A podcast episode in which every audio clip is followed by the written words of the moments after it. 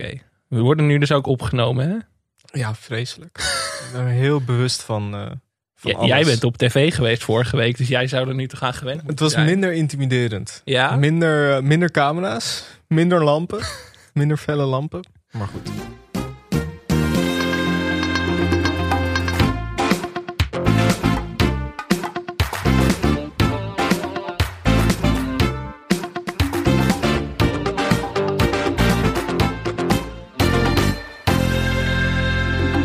Welkom bij Televisie, de podcast over Nederlandse televisieprogramma's.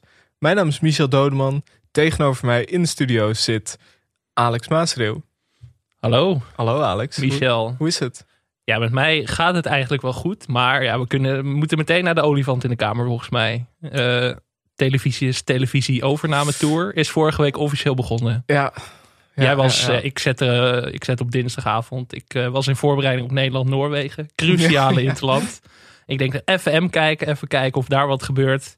Ik zie Soufiane Touzani zitten. Ik zie Henk Spaan zitten. En tot mijn grote verbazing, Michel Doneman. ja, ongelooflijk. Was schrikken, was schrikken. Ik wist hier natuurlijk niks van. Nou ja, ik had dus die vrijdag daarvoor zou ik ook al misschien bij M zitten. Ehm, het ging toen niet door. En dat, daar werd ik in de middag over gebeld. En toen had ik Mhm. al aan best wel veel mensen verteld dat ik bij M zou zitten. Ja, dat wist ik dus ook. Dus ik Ja. zat me daar ook op te verheugen. Het is toch een beetje eh, Ja, dus ik, televisie. hè? ik dacht echt van ik ga dit aan helemaal niemand vertellen. Totdat ik echt, totdat de camera's aangaan en ik zeker weet dat ze me niet meer weg kunnen slepen. Eh, dus eh, ja, ja. maar kun je wat meer vertellen? Misschien wat, wat achter de schermen, juiced of eh, gewoon een... Nou, eh, niet echt veel juice, maar het is wel leuk misschien om te vertellen dat dit tot stand is gekomen dankzij een luisteraar. Oh, Pim. Eh, die heeft ervoor gezorgd dat ik op de radar ben gekomen bij, bij M. En ja, het is de bedoeling om af en toe wat... Ik ga meteen helemaal als een voetballer praten. ja, jezus. Ja, nee, we waren niet scherp ik, genoeg. ben, ik Ja. ben heel bang om iets verkeerds te zeggen. nee, het was, nee, het was, was heel leuk. En was voor mij de eerste keer in een talkshow. Dus het was wel even een, eh, wel een belevenis. Ik had ook wel een flinke wedstrijdspanning. ja, wel, eh, dat was niet voor Nederland-Noorwegen, die gezonde wedstrijdspanning. maar podiumangst of wat? Hoe, nee, dat? nou, nou ja, het is gewoon van tevoren, ja, je bent je er natuurlijk niet heel erg bewust van. Nou, zeg maar, de grap is toen ik, voordat ik de studio inkwam, dacht ik van, ah, dit gaat wel, je gaat hier heel erg bewust van zijn dat je op tv bent. Mhm. Maar kijk, hier staan er nu, we zijn dus vandaag even aan het opnemen, vier grote lampen op ons en Ja. overal camera's. Dan ben je er heel bewust Ja. van. Maar in zo'n tv-studio is het natuurlijk, eh, ja, staan de camera's een beetje verdekt. Dus ook al vrij gauw lijkt het alsof je in een hele vreemde, maar wel informele setting zit. Alsof je gewoon in de woonkamer van Margriet van der Linden te gast bent met Henk Spaan. En su- gewoon een normale zaterdagavond natuurlijk. En word je dan nog echt voorbereid ook van tevoren? Dat je moet oefenen? Of hoe, hoe werkt dat? Ehm, Nee, ik heb wel een screentest gehad eerder. Ehm, en ehm, verder, nou, we hebben een voorgesprek gehad die middag. Ehm, en een beetje besproken wat voor soort fragmentjes er kwamen. Maar eigenlijk, eh, nee, we zouden dat eigenlijk misschien van tevoren daar ook nog doen. Maar dat is er eigenlijk niet van gekomen. En nee, eigenlijk wijst het zich allemaal wel een beetje vanzelf. Dus eh, ja, god, wat een. eh, ik, ik, ik dacht al echt van ja, televisie op televisie. Het is wel rond. nu. Ja, ja, wel jammer dat de naam televisie niet genoemd werd. Was ook gek om het te noemen, moet ik eerlijk zeggen. Ik bedoel, ik kreeg van mensen al een reactie van... waarom heeft Michel het niet over de podcast gehad? Maar ik zag ook niet echt een aanleiding. Nee. Ik vond het wel jammer dat je niet werd aangekondigd Ja. als podcast-host televisie. Ik kon Maar natuurlijk ook niet zeggen van Margriet genoeg over Virgil van Dijk. We het even over televisie hebben. ja, kijk, dat moet je toch... Als je er vijf keer hebt gezeten, dan heb je wel genoeg leverage om dat te doen, toch? Ja. Ja, en ik dacht voor de eerste keer. Ik had natuurlijk eigenlijk ook mijn boek willen promoten. eh, gewoon eigenlijk allemaal dingetjes. Maar ja, dat. eh, Ja, je werd ook niet geïntroduceerd of zo. Dus Nee, het was, was wel, gewoon, eh, eh, Michel Dodeman. Wel lekker dat je gewoon blijkbaar al zo'n autoriteit bent... dat je geen verder uitleg behoeft. Ja, of juist niet. Ze hadden natuurlijk ook kunnen zeggen Michel Dodeman op televisie. En dan zou iedereen nog steeds denken, wat? Is dat?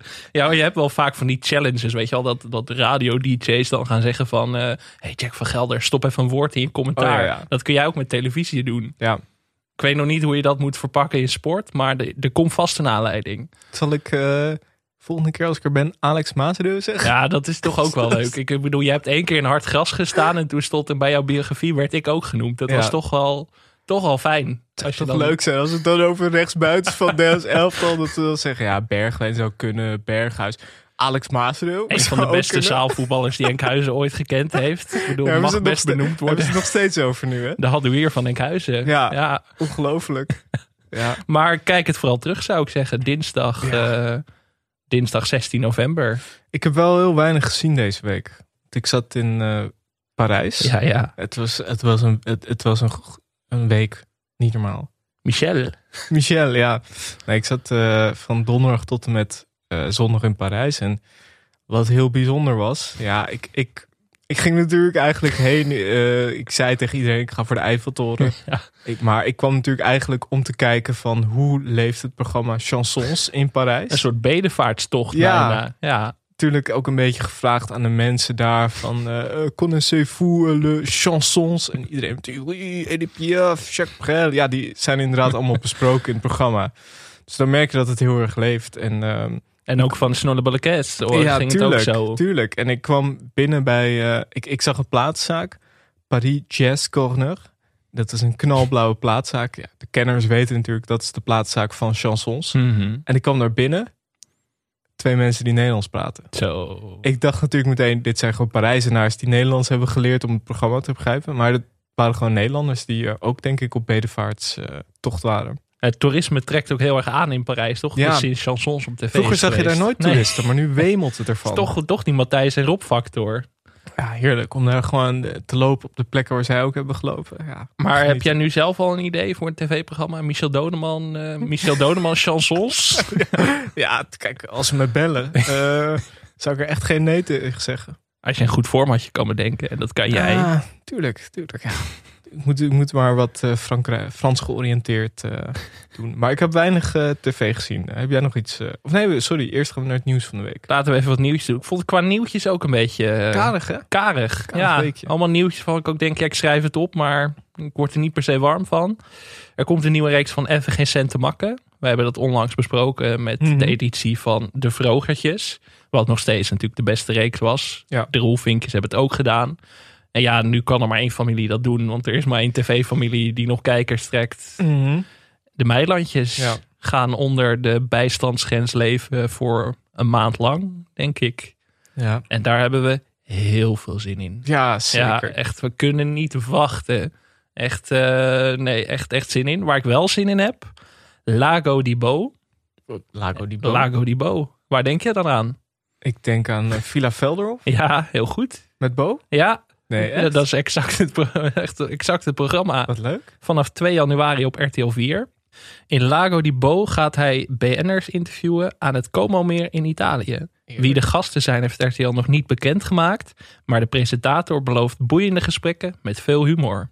Ja, Dat is belangrijk. dat is belangrijk. Eh, welke gasten, dat is wel natuurlijk de vraag. Ja. Ik zag ook de aankondigingen voor Linda's Wintermaan. Toch ook elke, elk jaar even een momentje dat je denkt Mhm. van... eh, wie zit er daar dit jaar? Het is pas kerst als eh, Linda's wintermaand eraan komt. Ja, maar daarbij dacht ik wel... André van Duin en Nicky de Jager werden onder meer aangekondigd. Dacht ik wel, wel een beetje de makkelijke weg. Wel een beetje gasten die, zeg maar, die elke maand in een interviewprogramma zitten. Ja. Ik hoop dat Bo iets meer op de, op de originele tour gaat. Dat hij niet ook weer Martien Meiland en Caroline van der Plas gaat uitnodigen. Nou, aan Villa Velderhof was natuurlijk altijd wel leuk die bizarre combinaties. Volgens mij had je Angela Schijf en Ronald Koeman. Was het niet André Hazes en Mario Boshart of zo toen? Ja.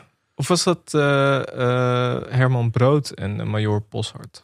André, oh nee, André Hazes zat met Simone Kleinsma over twee grootheden die Zo. gesproken. Maar dat, dat vind ik wel... Dat is natuurlijk eigenlijk het leuke daaraan. Ja, een beetje gekke duo's. Ja. Of naar gekke, opmerkelijke duo's. Dat, daar hoop ik wel op. Dat ze niet voor de gemakkelijke weg gaan. Raven van Dorst deed het laatst ook natuurlijk met eh, opmerkelijke combi's. Ja. Maar daar had je dus wel weer Martien Meiland. Dat waren wel heel erg ook weer de usual suspects. Ja, ook weer Maarten van Rossum en Maarten de Boer. Ik denk even out of the box, denk ik. Nog Ja. verder out of the box. Een beetje de Villa Morero vibe. Dat je inderdaad Ja, Lange ja, Frans met eh Irene Wust in zeg maar. Maar dan de 2021 versie. Maar daar heb ik wel zin in. Er komt ook een nieuw seizoen van eh Marble Mania. Ja, ja, ja. En je kan daarheen. Zo. Eh, het, maar het was, ik moet zeggen, het was oorspronkelijk alleen voor leden van de Vriendenloterij. Vond ik een beetje, vond ik een beetje nep. Maar nu kan iedereen zich daarvoor inschrijven. Gaan wij erheen? Misschien wel. Wie weet. Eh, eind deze maand wordt dat al eh, opgenomen. Dus dat, dat zit er ook weer aan te komen. Boah, een tv-evenement gaat dat weer worden. Hè? God, god, god. We moeten er eigenlijk wel heen. Maar dan wil ik ook achter de schermen eigenlijk interview met Winston. Als dat zo... Als dat zou lukken. Met Jack. Met, Met Jack, in Jack het, in het commentaarhokje. commentaarhok zo. Ja, als dat zou kunnen, ja. En, en, nou ja, kijk, het is, hij komt elke week weer terug. Hans Klok gaat ook weer een nieuw programma maken. Nee. Ja, samen met Hans Kazan. De magie van Klok en Kazan. In die documentaire serie duiken Hans Klok en Hans Kazan samen in de geschiedenis van het illusionisme. Wat denk jij dan? Ja, wat denk je dan? Eh, Hans Klok altijd goed? Ja, Hans Klok wel echt een tv-doorbraak dit jaar. Hè? Ja. Het is echt, Hans is overal. Maar volgens mij, ik hoorde wel dat hij nu een beetje gas terugneemt. Ja, Wel heel veel eh, tv-dingetjes. Maar eh, daarom, daarom moet Hans gewoon even in de podcast gaan zitten. Ja, natuurlijk, dat hij dan één keer idee. zijn verhaal kan Ja. doen. Dan is het ook klaar. Weet je, Eh, die drie uur zomergasten was natuurlijk nog niet genoeg. Nee, hey Hans, je weet ons te vinden. Ja. Dit is eigenlijk, zijn we nu al bij het blokje nieuwe programma's. Eigenlijk wel, hè? Mhm, Ja, qua nieuws was er gewoon niet meer. Ja, nee, de enige nieuwtjes die ik verder had opgeschreven was dat Andries Knevel weg is bij de EO. maar ik weet niet of onze luisteraars daar nou eens even over hebben. Guido Weijers doet niet de oudejaarsconferentie op RTL 4. Ook een klap voor vele mensen. Ja. En Frank Lammers maakt een kerstsingle. Dat waren de nieuwtjes die ik verder had opgeschreven. Maar dat is niet waarvan ik denk, daar zitten mensen op te wachten deze Nee. week. Ja, er, gaan we, er zijn nog meer nieuwe programma's aangekondigd. Eh, er komt waarschijnlijk een reality-serie over John de Bever. Daar heb ik heel veel zin in. De eerste draaidag is al geweest, maar het is nog niet helemaal duidelijk of er ook echt komt. Eh, Gaat Irma Sluis daar ook aan meewerken?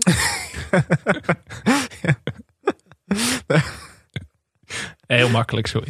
maar John, John en zijn partner moeten nog kijken of ze, het, eh, of ze het ook echt leuk vinden. Vind ik wel, vond ik wel. Oh, ze gaan eerst aftasten. Ja, maar dat vond ik een leuke insteek. Dat er niet eerst wordt gekeken van, is dit leuk voor de kijker? Maar gewoon, vindt John dit zelf wel leuk? Want dat het voor de kijker leuk is, dat lijkt me duidelijk. Dat staat buiten kijf. Ja, oh, dat vind ik wel goed. Meestal werkt het toch andersom. Dat, je, dat andere mensen gaan kijken of het leuk is. Vind, ik- vind ik goed van John. ja. Denk je dat John gaat zeggen, ik vind het niet leuk? Dat die nou, misschien denkt hij wel, eh, ik heb er gewoon geen zin in. Die camera's de hele dag achter me aan. ik wil John de Bever dan, als die document, als die reality-serie uitkomt, ook wel aan tafel eigenlijk. Ja, ja zeker. Ik bedoel, Hilversum luistert mee, dat weten we. Ja, John. John, je bent ook welkom. Ja, Desnoods samen met Hans Klok.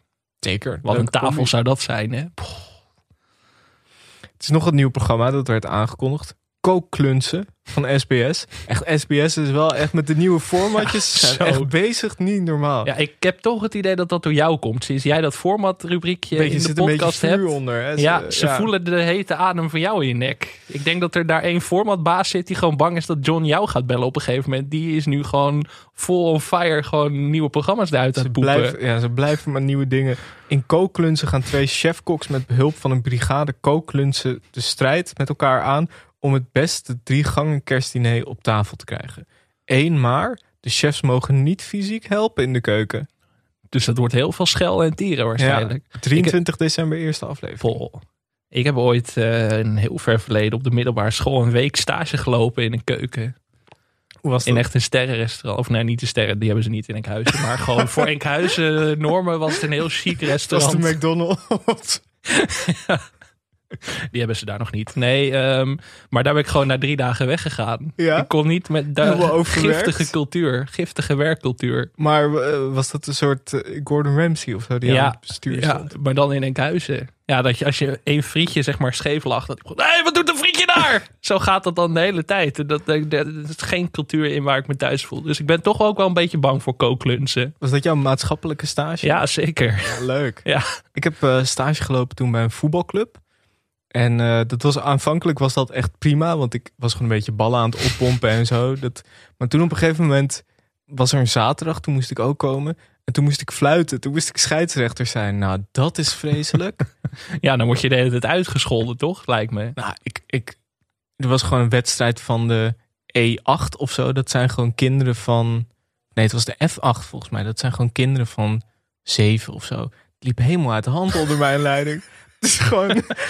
ik heb hem moeten staken omdat de ouders gewoon. De ouders De wilden slag niet meer. om Amsterdam-Zuid, meer. of waar was dit? Ja, dat was inderdaad eh, in Amsterdam-Zuid. Vreselijk. Nee. Ja, Ja, wat doen ze ons toch aan op jonge leeftijd eigenlijk, hè? ongelooflijk. Ja, kookklunsen. Het lijkt me, ik vind het wel altijd leuk. Zeg maar, al- iets met eten werkt altijd goed op tv. Ik vind het ook een goede titel. Ja, Kookklunsen. het maakt ook nieuwsgierig. Dat doet SBS ook goed de laatste Ja. tijd. Heb je, heb je nog iets leuks gezien deze week? Ik heb drie programma's meegenomen. Ik, ik, moet, ik, moet, ik moet me eerst even iets van het hart. Ik maak een klein eh, zijstapje naar wat, naar wat films en series. Ik, begon, ik had alleen maar shit gezien dit weekend. Het ging echt van kwaad tot erger. Er is een nieuwe Home Alone film op Disney+. Plus. Mhm. Het verschrikkelijk. Echt verschrikkelijk. Toen ehm, moest ik voor de VPRO Tiger King 2 recenseren. Mhm. Nou, de- toen ben ik gewoon echt, zat ik echt schuimbekkend achter mijn laptop. Toen heb ik nog de Netflix film Red Notice gezien. Ook helemaal kut. Oeh, dus toen was ik ja. eigenlijk gewoon klaar. Maar ik denk, ja, ik moet wel een podcast maken maandag. Dus ik ga wat andere dingen kijken.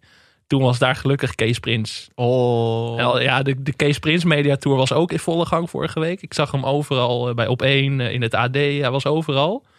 Want, nieuwe serie. Ik, eh, ik heb weinig gezien deze week. Maar Buza heb ik wel gezien. En ik vond het echt... eh, ja, als je weet dat Kees Prins de hoofdrol speelt... en dat het gemaakt wordt door Frank Ketelaar... dan weet je sowieso al dat het goed is.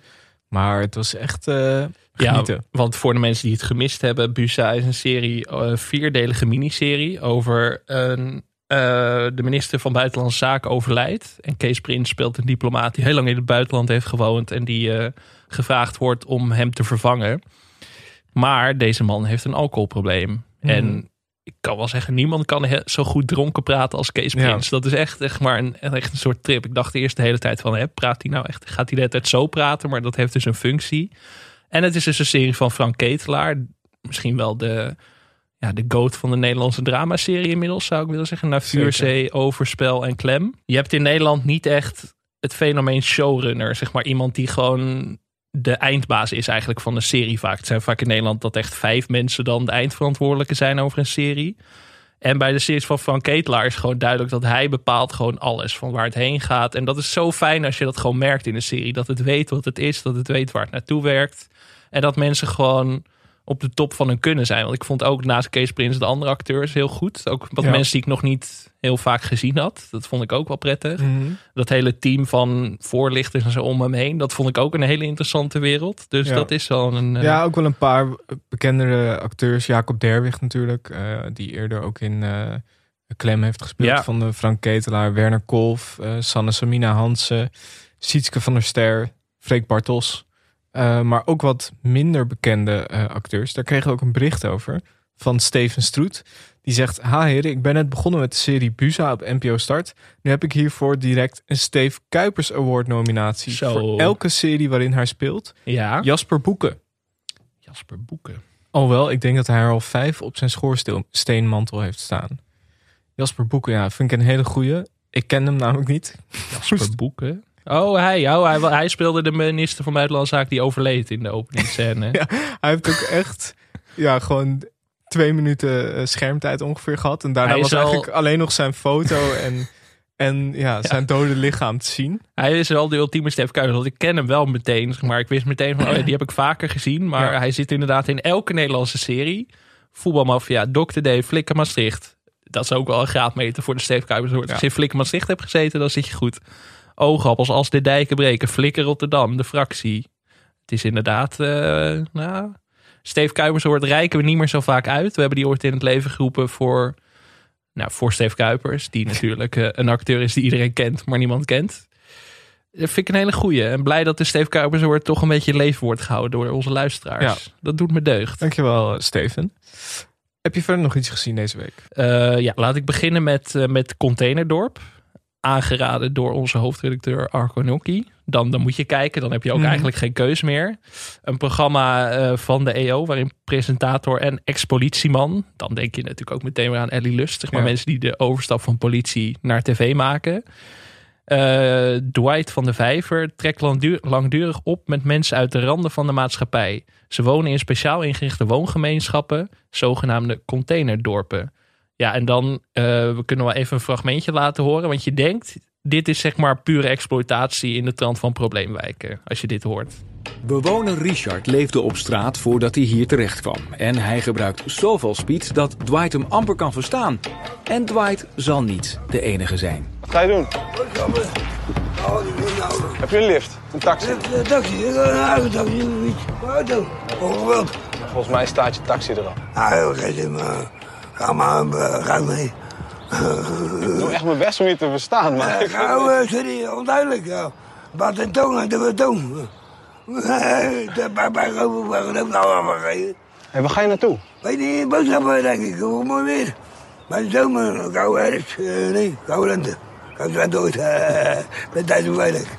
En dan denk je meteen van, oh god, zeg maar, dit wordt volgens mij Emma Curvers, die schreef in haar recensie voor de Volkskrant ook van, dit is een soort, eh, het ligt op de loer dat het een soort wandelende meme-machine wordt. Ja. Maar het is een EO-programma en dat merk je er ook wel aan af. Het is heel erg met empathie wel gemaakt. En eerst Mhm. dacht ik van, oeh, dat eh, een beetje gezemel over, weet je wel, die christelijke waarden en eh reizenis en weet ik veel wat allemaal. Maar ik vond het een heel leuk programma. Ik kende die Dwight van de Vijver ook niet echt. Had jij van hem Nee. Hij heeft al eerder Nee. nog een paar programma's voor de EO gemaakt.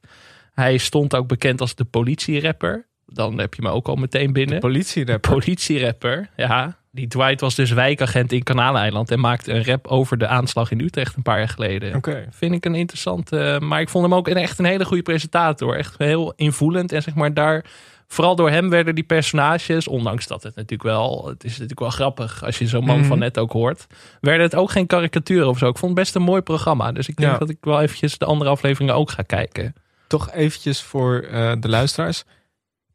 Wijkagent White of wijkagent Henk? Wie is beter? Ja, daar durf ik me niet aan te branden. Nee, toch wijkagent Henk. Ja. Daar heb ik toch iets meer een langere band mee inmiddels. Die cola staat nog steeds voor me klaar daar in het wijkcentrum in, in, eh, in Arnhem. Dus. Maar echt, ja, leuk programma. En ook gewoon, ja, die personages zijn toch ook wel gewoon heel, heel interessant. Ook een man die zeg maar niet buiten mag barbecuen en dan maar besluit binnen te gaan barbecuen. En Ja. je weet wat er dan gaat gebeuren. Dat, gaat, dat loopt niet goed af. En er was een andere man die heel erg eh, open vertelde over zijn, eh, zijn zonde in het verleden en zo. En toen ehm, vertelde hij, eh, dit zijn dus mensen die uit een normale wijk zijn gehaald, omdat ze daar zeg maar niet met de buren kunnen aarden. Dus een soort rijdende rechter, maar dan te ver doorgeslagen. Dat, Ja. dat zelfs Frank Visser en John Reed je niet meer kunnen redden. En deze man vertelde een anekdote dat hij ooit een lege fles whisky over de schutting gooide, omdat hij zich ergerde aan zijn buurvrouw. En toen zei hij, ja, nee, maar ik gooide het niet eh, naar de buurvrouw, hoor. gewoon meer even over de schutting. Beetje ballorig, maar nee, vond ik hem een hele mooie uitleg. En eh, nou, dit soort dingen zitten er dus allemaal in. Dus het is wel een klein kijktipje, zou ik het willen Ja. noemen. Zowel dus voor de, voor de, ja, je zou het een soort empathische meme-machine kunnen noemen. Oké. En verder? Vet, ja, verder. nog een derde. Oh, ja, kijk, ik ben eventjes, jij was natuurlijk in Parijs. dus Ik denk, ik moet jouw taak even overnemen. Mhm. De middagprogrammering van RTL Ja. in het weekend. Genieten. En ik heb me toch een programma gezien. Nee, ik heb dus gekeken naar het programma Het Spaanse Leven. Klinkt goed. Heb je er ooit van gehoord? Nee? Nou, het Spaanse Leven is een programma over Ibiza. Dat, dat vind ik eigenlijk al ge- goed genoeg. Een programma waarin Stefanie Tensi, voormalig Miss Nederland, ehm, de diversiteit van deze magische bestemming laat zien. Ze neemt je onder andere mee op een spirituele tour en toont de ongerepte natuur. Maar er is ook aandacht voor de rich en famous op een van de meest vrije plekken ter wereld. Dan denk je als je dat leest, ik weet niet zo goed, het klinkt een beetje als Jair, Jair, hoe heet dat programma van Jair ook Ja, alweer? Eh, High, High Society. Society. Maar eh, toen begon het programma, de sponsor werd bekendgemaakt. Toen, toen zat ik er helemaal in. Het begon namelijk zo. Doe ik even dat fragmentje erin. Dit programma wordt mede mogelijk gemaakt door waterontharden.com. Het is Ja. zo toevallig dat je dit zegt, want ik wilde het deze week hebben over wateronthouder.com. Ja, daar moeten we het echt over hebben. Want het speelt echt een hele belangrijke rol in dit programma Ja. namelijk. Want ja, dit programma is dus, die, die Stefanie, die, die doet eigenlijk drie dingen in deze aflevering. Of ze doet vier dingen. Allereerst gaat ze eventjes naar een hotel waar ze vroeger als kind was. Want zij presenteert het programma omdat ze vroeger vaak naar Ibiza ging. Dat, dat is een beetje de aanleiding. Mhm. Dat is natuurlijk ook genoeg. Ik bedoel, eh, volgend jaar Alex Mazereel op Santorini, het Griekse leven. Eh, en dat, dat ze eventjes gaat, gaat spieken bij een hotel waar ze als kind was. En dan dat we een foto van haar vader in een speedo bij het zwembad zien en dat soort dingen. Is allemaal leuk, maar het hoogtepunt kwam wel bij de, de drumceremonie. Drumceremonie, kunnen we even een stukje van laten zien. Leuk. Ja, misschien denken jullie, nou, die meid is niet goed. maar jij, jij, jij legde mijn hand op mijn hart en jij begon te zingen. En ik voelde me ineens poken handtas. Dat is heel... Ik weet niet, ik zag. Pocahontas voor me en ik, en ik Ja. was het of zo even een moment. Dat, dat snap ik. En dan vraag ik aan jou, wat representeert zij voor jou? Ja, dat weet ik niet, want ik heb nou niet zo... Het is nog niet dat ik recent over Pocahontas heb nagedacht of zo. Maar misschien vroeger dat er een bepaald... Als je die, Ik was wel heel fan van Pocahontas, maar ik was fan van 100.000 Disney films. Dus ja, dat is dan een van de... Maar dat, ja... Ja, maar maar het, kan Misschien van het alles zijn natuurlijk. kind of zo, wat misschien Zeker. komt, omdat ik er Misschien zo... ben je gewoon wel ook een shamanen die, en, van de indianen in, de, je zielenlijn. Oh ja, zou zomaar kunnen. Want je, je moeder is gevoelig, jij bent ook gevoelig. Want je- Mijn vader is echt een half Indiaan hoor. Nou, dit is even de, even de kleine schets, maar ik vond dit heel erg leuk van Heel. Pocahontas. En nou ja, later gaat ze dus nog naar een dierenasiel, omdat ze gehoord, ze ondervindt zelf niet heel veel leed van de dieren, dierenmishandeling op het eiland. Nee. Zo zegt ze dat. Nee, als Nee, mens. nee, dat was wel een goede quote. En ze gaat even langs bij dierenasiel. En dan komt het hoogtepunt, want dan staat ze met eh, Julio Rozier. Ro- Rozier. Ik weet niet hoe je het uitspreekt, sorry eh, Julio.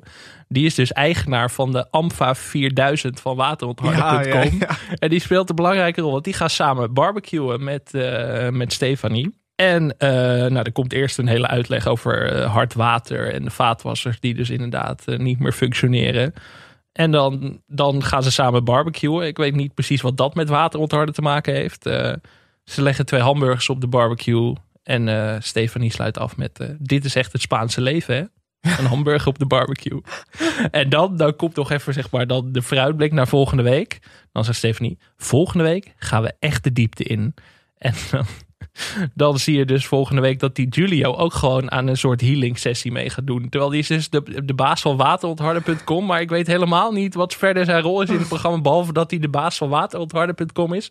Maar hij is dus ook op Ibiza. En hij speelt een vrij cruciale rol in dit programma. Maar het was dat ik hier middenin viel. Maar ik ben toch wel benieuwd hoe, zeg maar, naar de origin story. Ja, maar ik, ik vind sowieso dat water ontharden. Toevallig zei mijn eh, zus zei dat gisteren tegen mij. Dat eigenlijk de hele RTL 4 programmering draait om Ja.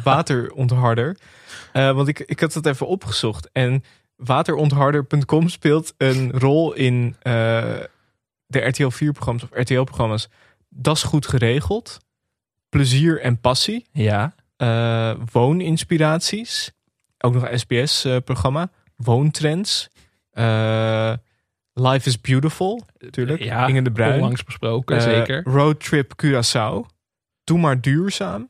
Het zijn allemaal RTL-programma's waar waterontharder dus een item heeft gekregen. Of eh, ja, zelfs vast iets is. Ook natuurlijk eh, bij SBS-programma's, zoals ik al zei, Woontrends en eh, Samen Sterk. Ja, maar ik vond het vooral in dit, deze context van dit programma heel gek. Want het gaat dus over Ibiza. En dan gaat het dus ook eventjes over Spaans water en dat soort dingen. Ja, ja, maar ik vind het zo grappig. Omdat het gewoon. Soms gaat het inderdaad over. God, wat een mooie nachtclub. Zeg, over nachtclubs gesproken. Heb jij een beetje hard water? eh? maar ik, ik, hoe, hoe, zit dat met, hoe zit dat tussen RTL en de AMFA 4000? Ik wil daar echt. Als iemand weet eh, wat precies de soort van. wat de link is. En waarom dit altijd smiddags op tv is. Je zou zeggen, je zou het toch ook één keer s'avonds kunnen doen. Maar het is altijd alleen Altijd maar smiddags. smiddags. Nee, gewoon- ja. Waterontharder.com heeft een soort monopolie op de, op de RTL-middag. Maar die waren er ook ineens. Ik had er nooit van gehoord. Toen werden ze ineens shirt sponsor van Vitesse. Ja. En nu sponsoren ze de halve RTL-programmering. Het is, eh, het is ook wel jaloersmakend. Ik wil eigenlijk ook wel een middagprogramma op RTL. Ja, Lijkt me wel heel leuk. Ik wil ook wel naar een eiland en dan gewoon praten met iemand van waterontharden.com. Dit is een open sollicitatie. Kom er gewoon voor uit. Jij zit bij M. Ik wil al programma gesponsord door waterontharden.com. kijk, als er een rivaliserende waterontharder is die de strijd wil aangaan met waterontharder.com, dan zijn wij best bereid om daar gewoon ja, een rol in te spelen. Tegen een geringe vergoeding natuurlijk. Ja. Ik bedoel, eh, voor niets gaat de zon op. Maar ja, nee, ik vond het wel heel gek. Ik snap nog steeds niet wat Julio in het programma deed. Maar ik heb er wel e- enorm van genoten van Heel goed. programma. Het Spaanse leven. Ehm, ik heb een formatje meegenomen. Zo. Eigenlijk is het een, een format dat eh, draait om een concept. Ik heb vorige week natuurlijk gekeken naar eh, Tiny House Battle. Mhm. En ik had nu, ja, ik zat te denken, eh, Tiny House. Ik kan natuurlijk ook een Tiny Life hebben. Tiny Life is eigenlijk, dat past ook wel een beetje bij de RTL middagprogrammeringen. Ja, Leven zonder Gesponsord door waterontharden.com. Eigenlijk een leven zonder verplichtingen. Dat is een Tiny Life voor mij. Dus dit is eigenlijk een, eh, een documentaire serie. Dus dan heb je bijvoorbeeld een man. Die eh, woont in een enorm huis. Heeft vrouw, kinderen, een goede baan. Maar hij beseft dat hij daar niet gelukkig van wordt. Dus neemt hij afscheid van zijn gewone leven. Van zijn vrouw, kinderen, baan. Mhm. En dan gaat hij een tiny life leven. Dus er is een documentaire serie wil ik eh, maken. My Tiny Life. Waar we deze mensen met een tiny life volgen. En dat zijn eigenlijk mensen die de hele dag niks doen. Dus dat gaan we eigenlijk volgen. En je kan er natuurlijk ook een tiny life battle van maken. Wie het meest tiny leven leidt. Ja. A tiniest, eh, tiniest life. Werkt dat dan met de jury of zo? Of hoe, Ja, hoe moet dat dan? er, het is ook een beetje een concept. Ik ben er nog niet helemaal uit. Is dit ook niet wat Dennis Storm nu doet? Die leeft toch ook heel minimalistisch Ja. op Bali? Ja, dat is het wel een beetje. Het is een beetje minimalistisch eh, tiny life. Ja, of je zou dit gewoon met banners moeten doen. Gewoon op een eiland zetten en kijken wie het minimalist... Ja, dat is gewoon Expeditie Robinson eigenlijk. Maar Het is eigenlijk ook een beetje even geen cent te makken. ja, maar dan wel leuk. Maar ik vind het wel een goed idee eigenlijk. Gewoon een BN'er nemen. Die moet een tiny life. eh, en dan kunnen ze het ook gewoon tegen elkaar opnemen. 10 BN'ers. Wie kan het minste doen? Ja, dat ben ik wel voor eigenlijk. Dat eh, zit al wat in. Moest even schaven. Ja, Maar eh, ja dat, eh, nog steeds een beetje. Maar ik bedoel, het kan wel. Ja, Dennis Storm leeft nu inderdaad minimalistisch op Bali. Wel met zijn vrouw en twee kinderen. Maar jij zegt eigenlijk die vrouw en twee kinderen moeten ook weg dan. ja, ik vind je mag wel gewoon in een groot huis blijven leven. Maar je moet eigenlijk al je verplichtingen, werk en zo, kinderen, dat moet allemaal, daar moet je allemaal mee stoppen. Oké. Anders is het geen life. Dus je mag wel spullen hebben. Spullen mag wel van mij. Ja. Oké. Ja, we hebben ook wat luisteraarspost. Nieuwe vrienden van de show. Eh, de nieuwe vrienden zijn Silencieux. Chique Ja, naam. zo. Ja. Die, komt, ja, we eh, gaan nu in het hogere segment. Dat merk je wel. die, die betaalt geen 2,50 per maand, hoor. die betaalt 3 euro per maand. Dat is onze VIP-treatment. Ja. Dan krijg je wel echt filmpjes over Ja. The Godfather en Goodfellas en Ja, zo. Dan krijg je ja. echt top content. Ja, die, die heb ik ook gezien in Parijs hoor. Silencieux. Ja? zeker. zeker. Eh, Martijn is ook vriend geworden. En eh, Jeroen. Heel veel Jeroenen valt me op. Ik denk dat eh, echt wel 30% van de Nederlandse Jeroen een vriend van eh, televisie is. Maar is dit de pauwboom of zo van een jaar of dertig geleden? Dat ja. Jeroen eventjes lekker huis heeft gehouden? Ik weet het niet. Nou ja, welkom. ja, nee, leuk dat jullie er zijn. En als je ook vriend van de show wil worden en wil luisteren naar Filmje, of ons gewoon wil steunen, dan kan dat via vriendvandeshow.nl slash televisiepodcast. We kregen ook nog wat eh, berichten over de aflevering van vorige week. Zo, stik er bijna in. We kregen een nabrander van de Colagate. Eh Liesje, Liesje stuurde namelijk hashtag Colagate. Misschien is de smaak in verband met COVID-19 nog wat achter. Ja, Ze probeert je te redden, maar ik vind het toch... Ja, Nou je ja. corona daarvoor gebruiken? eh, ik heb wanneer? In april corona gekregen. Ja, Dus het kan nog. ja ik, Misschien Ab Osthuis even inbellen volgende week. Ja, of dit op- een veel voorkomend symptoom is. Dat je cola smaak gewoon afneemt door covid. Kijk, eh, op medische gronden wil ik je misschien nog wel eh, gelijk geven. Maar ja, dus, daar, zullen we, da- daar zullen we dan weer een nieuwe test voor moeten doen. Om eigenlijk te kijken hoe jouw smaak is bij andere eh, eten en drinken. Ik weet niet of die vernedering nog een keer durf, durf te doorstaan. We kregen ook een bericht van eh, onze vriend eh, Sam Planting over vorige week. Hij zegt, wat mij betreft is de volgende aflevering wat meer matrascentrisch. Nu is het nog te licht voor decupré maatstaven. Ben ik het wel mee eens. Maar hoe willen we dat vormgeven? Moeten we vanaf een matras gaan opnemen Nee, echt, week? echt wel. Ik denk een hele aflevering over matrassen, kussens. Misschien moeten we die dokter Irene Best van Decupré gewoon uitnodigen volgende week. Is dat die eh, presentatrice? Nee, dat is, die, die, dat is de specialist. Oh ja, de Die blonde specialist. mevrouw die altijd met Kort Jan, dat duo. Ja, samen twee. in de studio. Chemie? Hans Nou. Klok, John de Bever, de Move Over. Misschien Gewoon- leuk voor Villa Velder Ja. of, Ja, nou, of eh, dat nee, zou nou een goed duo zijn Bo. voor Lago di Bo. Ja, Lago di Bo. Ja, meer matrascentrische afleveringen maken. kregen ook een bericht van eh, vriend van de show Jeroen Struving. Zei, ja, nee, hier heb ik erg van genoten. Als Enkhuizer moest ik ook een gooi doen naar de titel stadsdichter. Dus bij deze, oh mooie haring. oh. oh mooie haringstad of ingedut vissersdorp. Nostalgische glorie met een zwarte rand. Enkhuizen is als het almanak weer bericht. Vaker is er regen, vaker niets aan de hand. Ja, Ja. schitterend. Ik vind wel eh, dat Jeroen nu ook gewoon stadsdichter moet worden eigenlijk. Ja, want hij neemt het eigenlijk op tegen jou. Ja, maar ik sta mijn plekje graag af. Hier Ja. kom ik niet overheen. Je hebt geen gedicht eh, meegenomen? Ik durf niet meer zoveel over Enkhuizen te zeggen. Want ik weet dat er meer Enkhuizers luisteren dan ik vermoed had. Ik Ja? dacht dat de podcast nog niet zo ver in West-Friesland was doorgedrongen. Maar dat blijkt wel het geval. Maar krijg je uit de community... eh, Ja, ja, vooral, vooral eh, Jeroen en mijn vader. Maar toch, je, je merkt wel dat het leeft in de community. Want er wonen 18.500 mensen in Enkhuizen. Hoeveel denk je dat er luisteren? Nou, Hoeveel procent? Nou, tien. Oké, dat is veel. Ja, mijn vader gaat dus volgend jaar de gemeenteraad in. Dus ik neem wel aan dat dat een soort wisselwerking gaat worden. Dus die foto met Caroline heeft ja, eh, die geholpen. heeft, die heeft echt een boost veroorzaakt.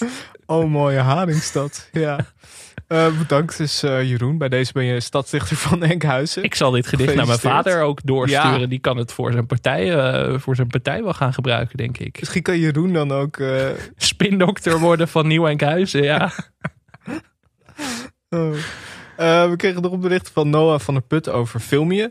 Hij zegt geweldige eerste Filmje over een echte klassieker. Helemaal mee eens. Ja. Graag zou ik jullie eens over de Heineken-ontvoering horen. Ja, Rutger Hauer. zeker. Moeten we, moeten we echt een keer doen. Ja, wat mij betreft eh, snel ook.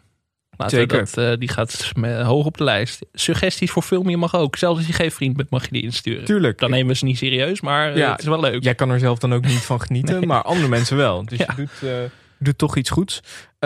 Bert Bokma zei: Het wordt toch echt tijd voor die televisie en media en site collab. Ja, ze zaten eh, lekker van ons te jatten. Nee, nee, nee.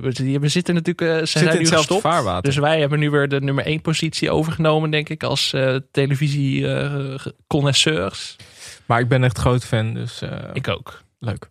Jammer dat het weer af is. Ja, ze mogen ons bellen. Ik bedoel, ik snap Tuurlijk. eigenlijk niet dat ze dat nog niet gedaan hebben. Maar ja, hè, dat is gek om over jezelf te zeggen natuurlijk. Christian Knoop zei nog eh, gevraagd welke eh, gasten we nog zouden moeten hebben. Hij zei Victor Reinier en Angela schrijven over Flikken Maastricht. Heel en leuk. ook over Baantje. Angela speelde een keer een gastrol in Baantje. Oppassen. Eh, en, want Victor speelde één aflevering een gastrol en Angela twee. Nee, twee, drie jaar. twee, drie jaar? Wat een raar bericht, Christian. Zat zij zo lang in oppassen? De vriendin van Rick. Ja, er staat me nog wel iets van bij. Ja, 1993 tot 95. Ja, twee, Ja, debuutrol zelfs.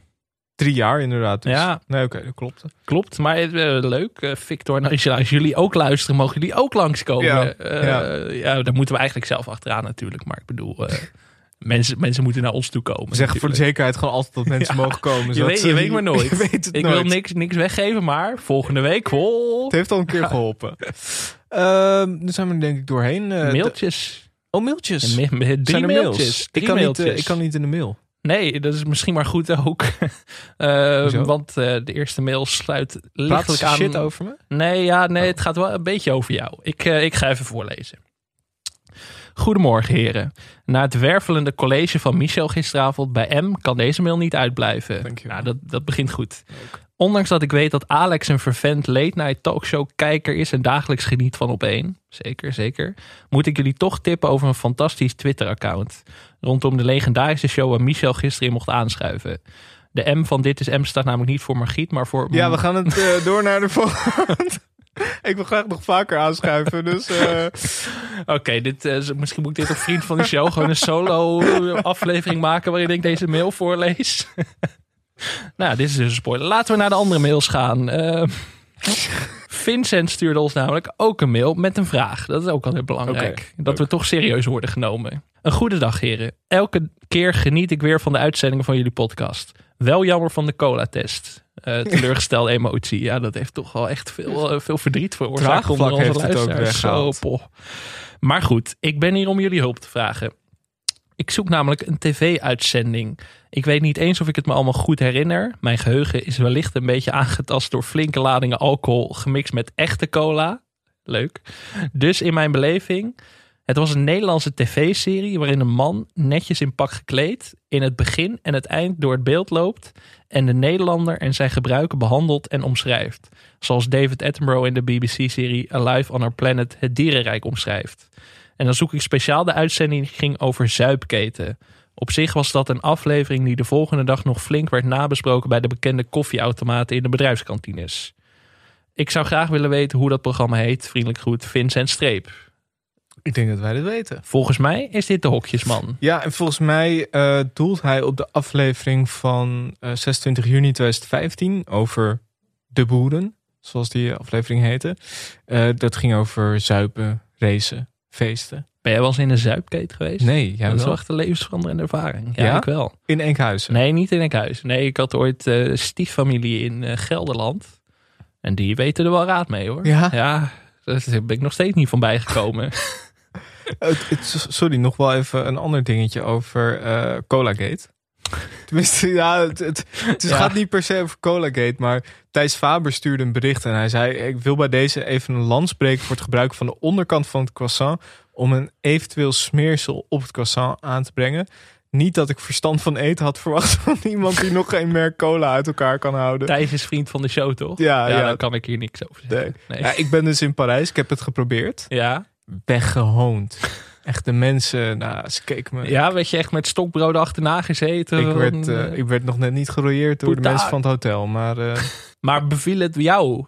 Of was het zeg maar de sociale druk die je... Die, nee, die- maar het ziet er gewoon heel dom uit. Ja. Ik, ik probeerde het dus met de jammetje.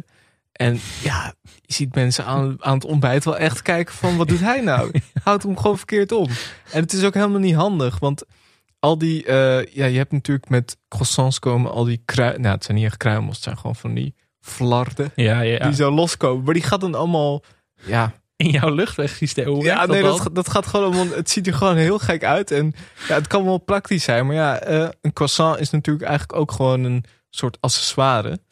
Toch? Dat gaat ook meer. eh, een croissant is een beetje.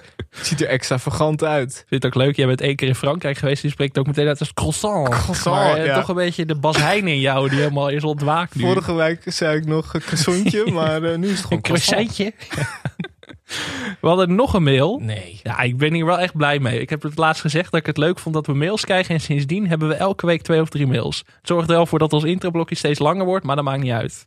We kregen namelijk een mail van Adriaan Wouters. Die mailde naar aanleiding van ons korte gesprek vorige week over VI Oranje.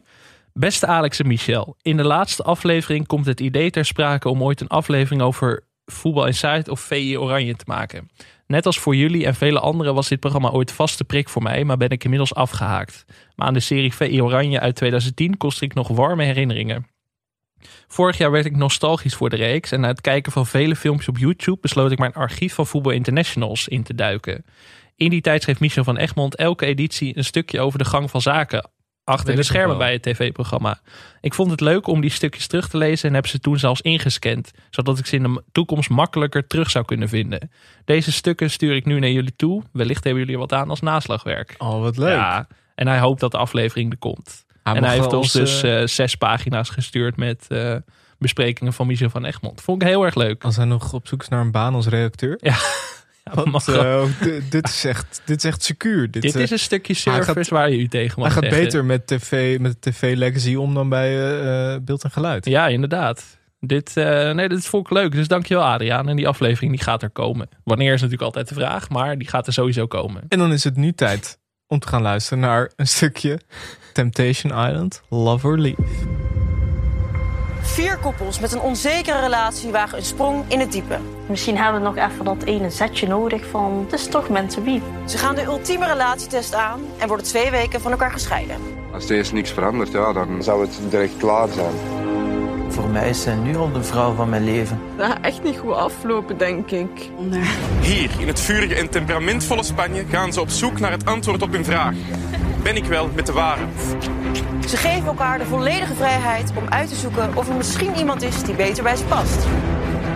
Mij lijkt het gek in mijn leven om uh, toch wel die volgende stap te maken. Om echt daadwerkelijk de liefde te vinden. Het liefst verlaat ik Temptation Island wel met, uh, met iemand die me echt vlinders in mijn buik geeft. Wat doet het met hen als ze twee weken lang omringd zijn door allemaal singles op zoek naar de ware liefde? Dit is Temptation Island, Love or Leave. Temptation Island Love or Leave is een datingprogramma dat wordt uitgezonden op onder meer Videoland. In het programma proberen vier koppels te ontdekken of ze met de ware zijn.